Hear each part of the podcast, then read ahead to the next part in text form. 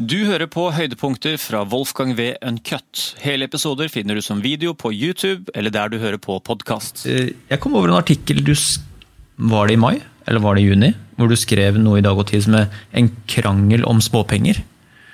Eh, Nei, den er vel nettopp skrevet. Jeg skrev ikke den for ei uke eller to siden om skattesystemet. eh, de store partiene er grunnleggende Ja, er- samde om skattepolitikken. Er den så fersk? Ja, Å ja, to. Kom fredag for eh, 13 dager siden. Ja, og Den tenker jeg passer vel godt inn i, i samtalen her. Ja, vil du virkelig lære om fritaksmodellen? Det vil jeg veldig gjerne høre mer om.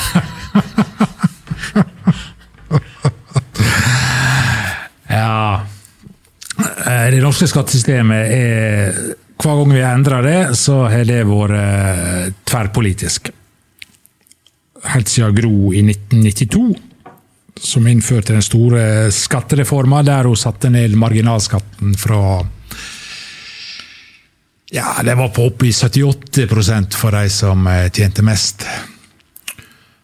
Eh, Men litt enkelt sagt så er skal det norske skattesystemet være nøytralt.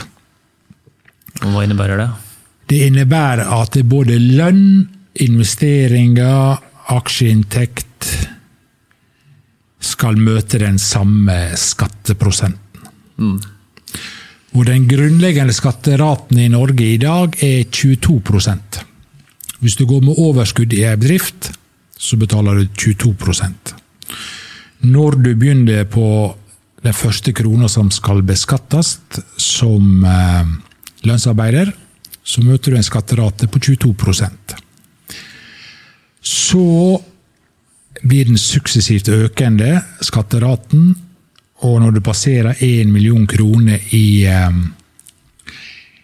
i lønnsinntekt, så møter du en skatt på røftlig 46,7% Men hvis vi tar med arbeidsgiveravgifta, som egentlig bla, bla, bla, bla, så blir det 53% Men glem arbeidsgiveravgifta. 46,7 på alt du tjener over en million. Hvis en bedriftseier tar ut utbytte fra den bedriften han eier, så møter han da en skatteprosent på ved 31% Litt komplisert dette her, men hvis du tar med overskuddet, som han alt har betalt 22% på, for det er tross alt han som eier bedriften, eller aksjeeierne, så møter du da en skatterate på maksimalt 46,7% Er du med? Så en kapitalist, hvis han tar ut til personlig forbruk, f.eks. For kjøper sin bil, så betaler han 46,7 Det samme som en som tjener mer enn 1 million i inntekt, lønnsinntekt. Der ligger den såkalte nøytraliteten.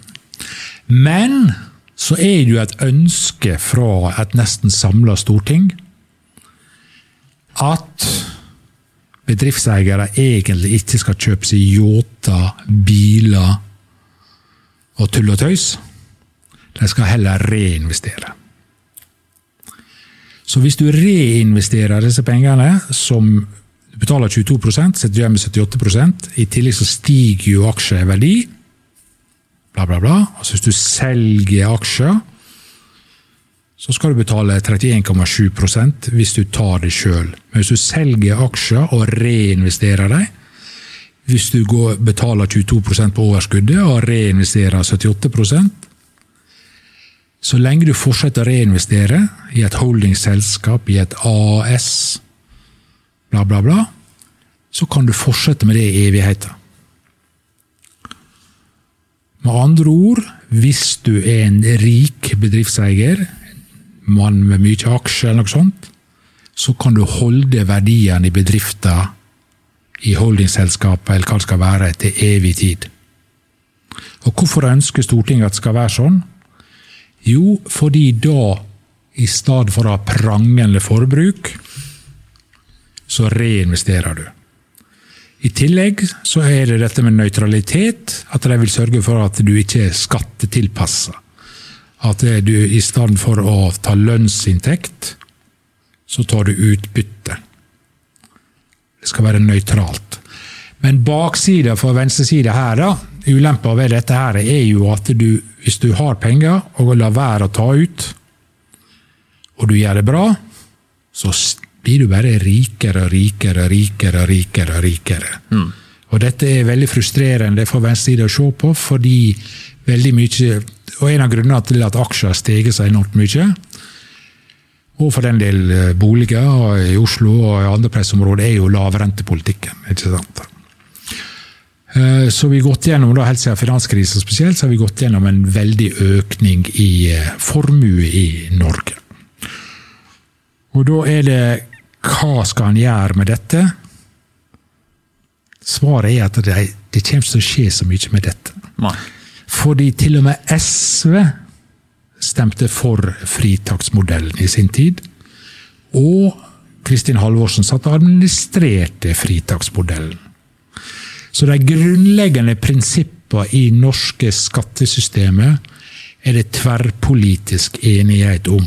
Og så har du noen marginale partier, sånn som Rødt og andre sullike. Kanskje nå SV også er, blitt mot fritaksmodellen.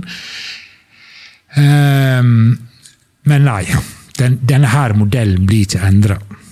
Og så kan du helt på marginene drive og skru litt med formuesskatt, for det, det er personlig hele veien. Så hvis du eier mye aksjer, så skal du betale formuesskatt. Så er det noen rabatter her og der, og på arbeid eller kapital og lignende, som de kaller det. Men da møter du dette store problemet, da. At hvis du er virkelig rik, og så møter, skrur du opp skattesatsene, så kan, du gjøre mange ulike ting. Stein Erik Hagen han bor i Norge. Det er vi enige om. Han er ikke flytta som Jon Fredriksen. Men han har barn i Sveits.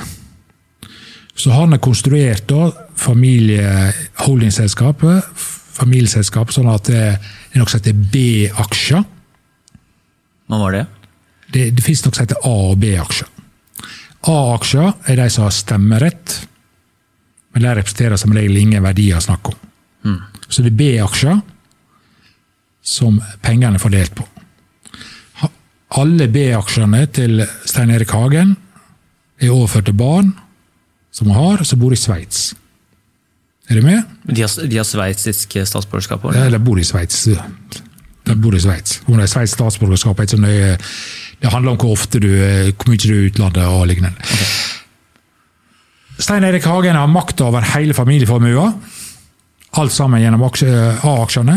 Alle pengene som formuen representerer, er i Sveits. Ingen formuesskatt å snakke om for Stein Erik Hagen. Jon Fredriksen han er god for varierer jo litt, men nå tipper jeg 140 milliarder. Kypros, bor i London. Ingen formuesskatt. Så det er veldig vanskelig å skru opp eh, formuesskatten så veldig, fordi det blir jo oppfatta som veldig urettferdig at rikingene bare kan stikke av. Mens eh, hvis du bor ute i Asker og er 78 år og har en villa, så, eh, så må du betale formuesskatt. Eh, men ja, du kan jo endre litt her og der, men du kan ikke virkelig ta mye. Det er det samme som med arv. Det er arveavgift. Arveavgift det syns alle på venstresida og mange andre også er en god idé. Men igjen, så hvis folk flytter, da så, så, så Ta Ton. Ton har ikke barn. Han har laga en trøst, en stiftelse, av hele formua si. En stiftelse er ikke en person. Og du husker fra i stad at hvis du tar ut utbytte personlig, da må du betale 31,7 i utbytteskatt. Men en trøst er ikke en person. Så der blir ikke noe utbytteskatt. Der blir ikke noe kapitalskatt. For det havner ikke på en person. Så har vi Smevik-familien i eh, Stavanger. Tjent seg stort på olje. De har nettopp solgt et eh, datalagringssenter, Green Ocean, til et israelsk selskap. De har investert 560 millioner, og israelerne ga 7,6 milliarder. Fordi de fikk tak i veldig billig strøm og noen gamle Nato-lager. En såkalt aktiv næringspolitikk. Det blir ikke noe utbytteskatt, det blir ikke en kapitalskatt. For til sjuende og sist havner de pengene på en trust på Jersey. Og så lenge vi er en del av EØS, ja, så lenge vi er en del av den internasjonale kapitalismen, med fri flyt av kapital, så er det umulig å skattlegge kapital på en rettferdig sånn at folk oppfatter det rettferdig. Og, da, og Derfor er det så vanskelig for Støre å si ja til arveavgift. Hva skal du sette grenser? Folk har en del penger i Norge. Hvis du f.eks. setter grenser på 10 millioner, så er det nokså mange i Norge som har en bolig, sekundærbolig Det er litt vanskelig, dette her. Så, så problemet med både formuesskatt og arveavgift er at det egentlig ikke rammer de du har lyst til å ramme skikkelig midtbords. De kan stikke av, og de har gode skatteadvokater. Og skal en også huske at vi sitter litt i glasshus. glasshus. Fordi sentralbanker betaler ikke skatt noen plass. Sånn at oljefondet vårt, som egentlig er norske valutareserven, administrert av Norges Bank, de betaler ikke utbytteskatt, de betaler ikke kapitalskatt, de betaler ikke formuesskatt, de betaler ikke skatt på kapital i hele tatt noen plass i verden. Skal vi plutselig hindre rikinger i Norge å flytte til utlandet? Nei, det går ikke. Det er jo forbudt etter EØS og egentlig etter den europeiske menneskerettserklæringa også. da. Eiendomsretten og alt det der. Du har lov til å ta med deg kapital. Så der står vi, da, og derfor er det det jeg sier at det egentlig er en krangel om småpenger. For det grunnleggende sett så er vi enige om skattesystem. Vi har et godt, nokså godt skattesystem i Norge. Det fungerer bra. Takker Gro spesielt for det. Så det er en konstant sånn en vurdering av hvor skal man sette terskelen for at ikke for mange flytter ut. For det er jo en eh, altså Du mister jo jævlig mye skatteinntekter hvis du setter den for høyt, åpenbart, for da flytter flere og flere ut. Og setter du den for lavt, så slipper de for billig unna, eller at det blir forskjellsbehandling. Er er det, er det den, den terskelen der som du snakker om nå, som er så vanskelig å vite hvor skal ligge? Ja Det, det er jo alltid det har vært et race mot f.eks. lavere overskuddsskatter. I utgangspunktet så var det sånn på Den formelle raten før Gro gjorde noe med skattesystemet, var jo 50% på overskudd. Men det går jo ikke det går egentlig ikke an å ha en reell skatterat på overskudd på 50% Da tar du for mye kapital fra bedriftene. Så den reelle skatteraten var lavere, men hun lagde skattesystemet mye enklere å, og, og senka de, de øvre grensene. Da. Eh, eh, men formuesskatt Det det fører til, er to ting. Da. I Norge, hvis du er Oslo Børs, så er Oslo Børs eh, den børsen i verden som har størst statlig innslag. Den norske stat eier jo veldig mye. Eier en tredjedel av Telenor, Hydro, DNB, bla, bla, bla. Eh, og så i tillegg så eier utlendinger veldig mye. Det er ingen plass der utlendinger eier så mye som på Oslo Børs. Og det er nok en, delvis en funksjon av uh, formuesskatten, tross alt. For utlendinger betaler jo ikke formuesskatt. Og staten betaler ikke formuesskatt. Så, eh, og, og, folk flest er jo for formuesskatt helt til uh, den lokale bedriftseieren selger til, eh, til Kina og gradvis flytta bedriften litt. Sånn som Ekornes, som er en kjempesuksess på Sunnmøre.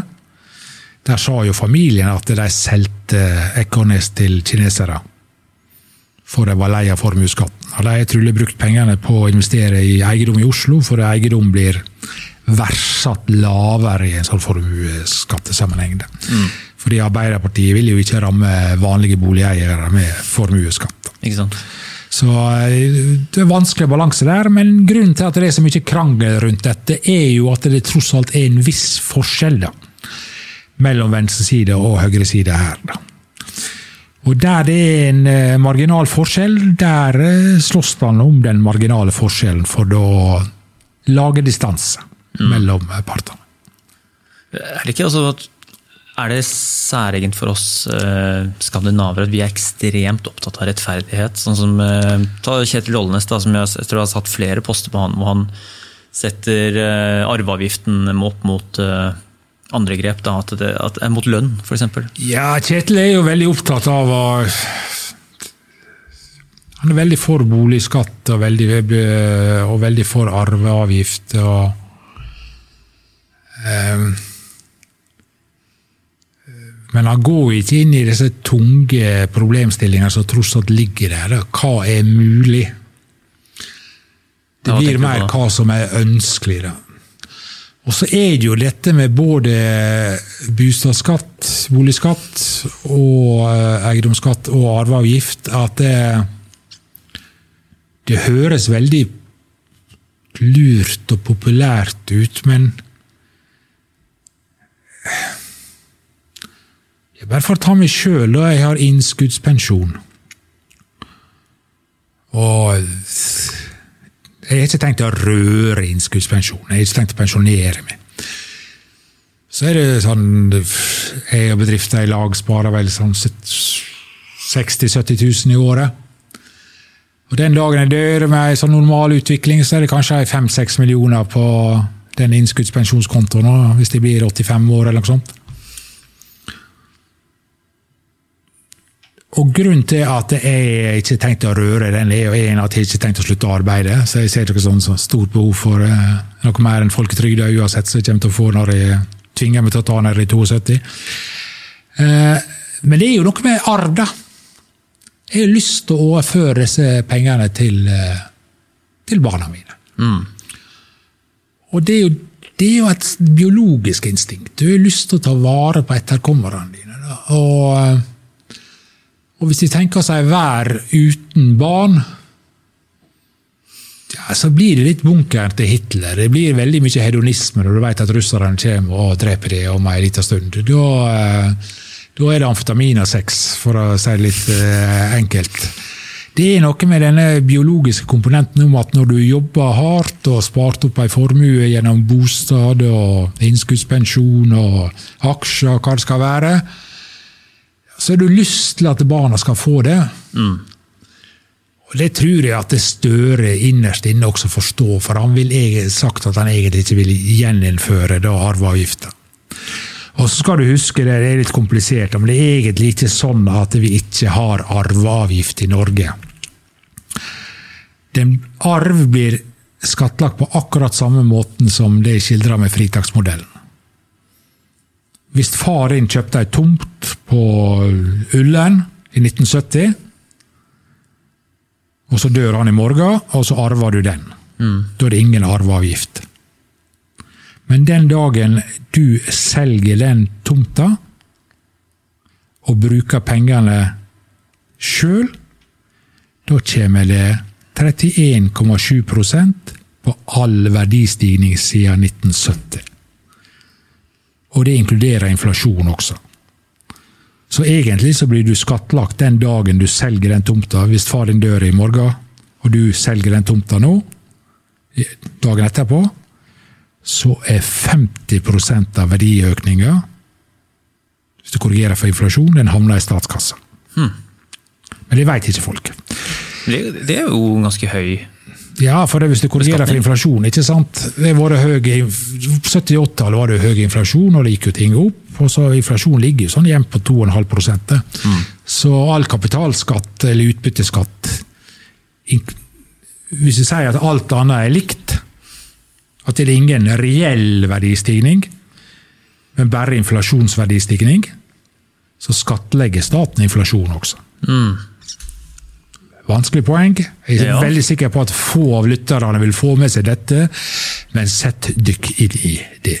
Vet du hva, Jon? Nå er det sånn med on demand-innhold at eh, Spotify, Apple, der er det én knapp, så du kan hoppe 15 og 30 sekunder tilbake. igjen. Så du kan hoppe tilbake igjen og bak igjen og bak igjen og høre om igjen og om igjen. om igjen. Det gjør jeg forresten veldig mange ganger på podkaster hvor jeg virkelig må få inn jeg må ha ting i med teskje. Og spesielt når du kjører bil, så må jeg høre ting om igjen og om igjen. For dette her, det er sånne ting du vil huske. da. Det er sånn Veldig enkelt.